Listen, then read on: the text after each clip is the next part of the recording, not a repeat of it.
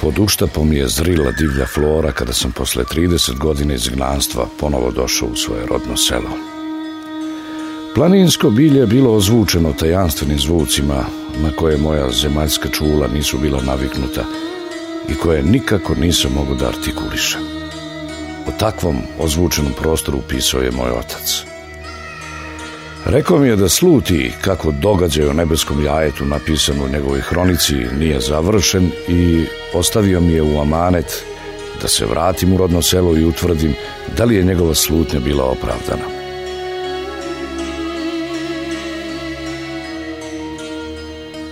Kada je otac bio dečak, ona je došla iznenada i iz daleka. Zahvaljujući tome što je znala lekovitu moć divljih trava i odmah i po dolasku spasila život jednom dečaku, dozvolili su joj da ostane u selu. Osposobili su jednu trošnu brvnaru u koju se isceliteljka smestila.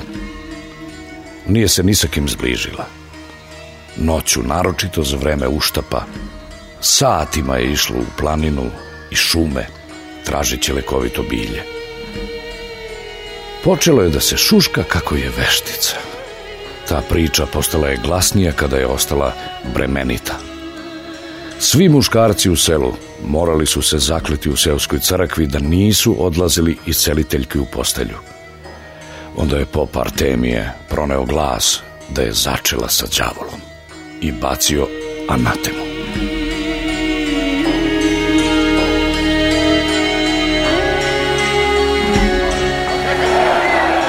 Seljani naoružani toljagama, kamenicama, zatekli su je u brvnari kako se porađa.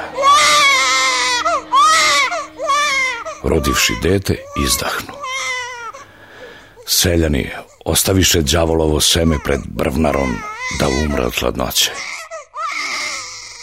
Dete je preživelo i ostalo da živi samo u brvnari.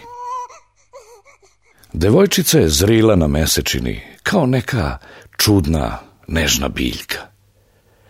Nekako samo od sebe naučila je tajne lekovitih trava. Bolesnici su počeli da je zovu i ona ih je lečila kao i njena majka.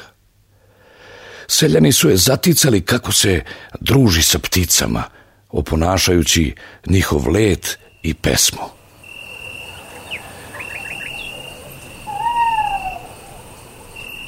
Kada je čerka iz celiteljke imala 18 godina, ostala je bremenita. Baš kao i njena majka. I priča se ponovila.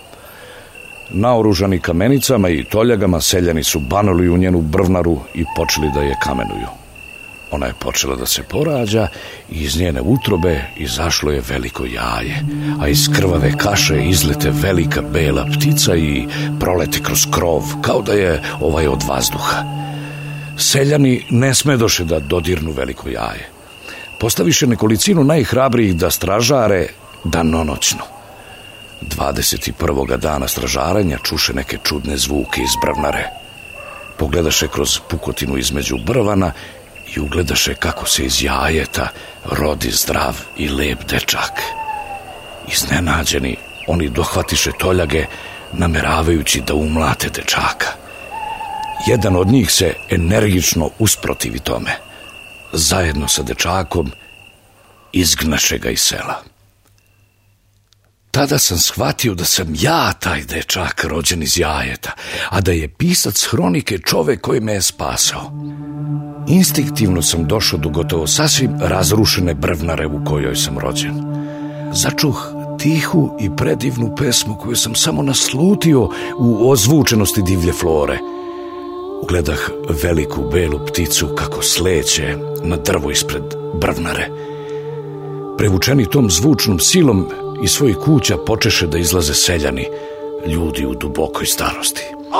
Odjednom začuh užasne krike. Iz staraca su izbijali neki plamenovi. Jasno sam video kako im gore duše. Božja kazna, urliknu pop Artemije. Božja kazna što smo njegovog izaslanika izgnali, zamenivši ga sa đavolovim porodom, a majku mu kamenovali. Osetih u sebi neodoljivu želju da poletim. Ugledah kako mi rastu krila i celo telo pokriva perijem. Uzleteh prema majci, razumedoh njenu poruku. Zajedno s njom poleteh prema starcima. Sletali smo na plamenove kojima su gorele duše staraca gaseći ih. Plamenovi nam zahvatiše perje. Spasivši duše staraca, nestado smo kao dve komete, zgasnuvši negde daleko iza naježnih šuma.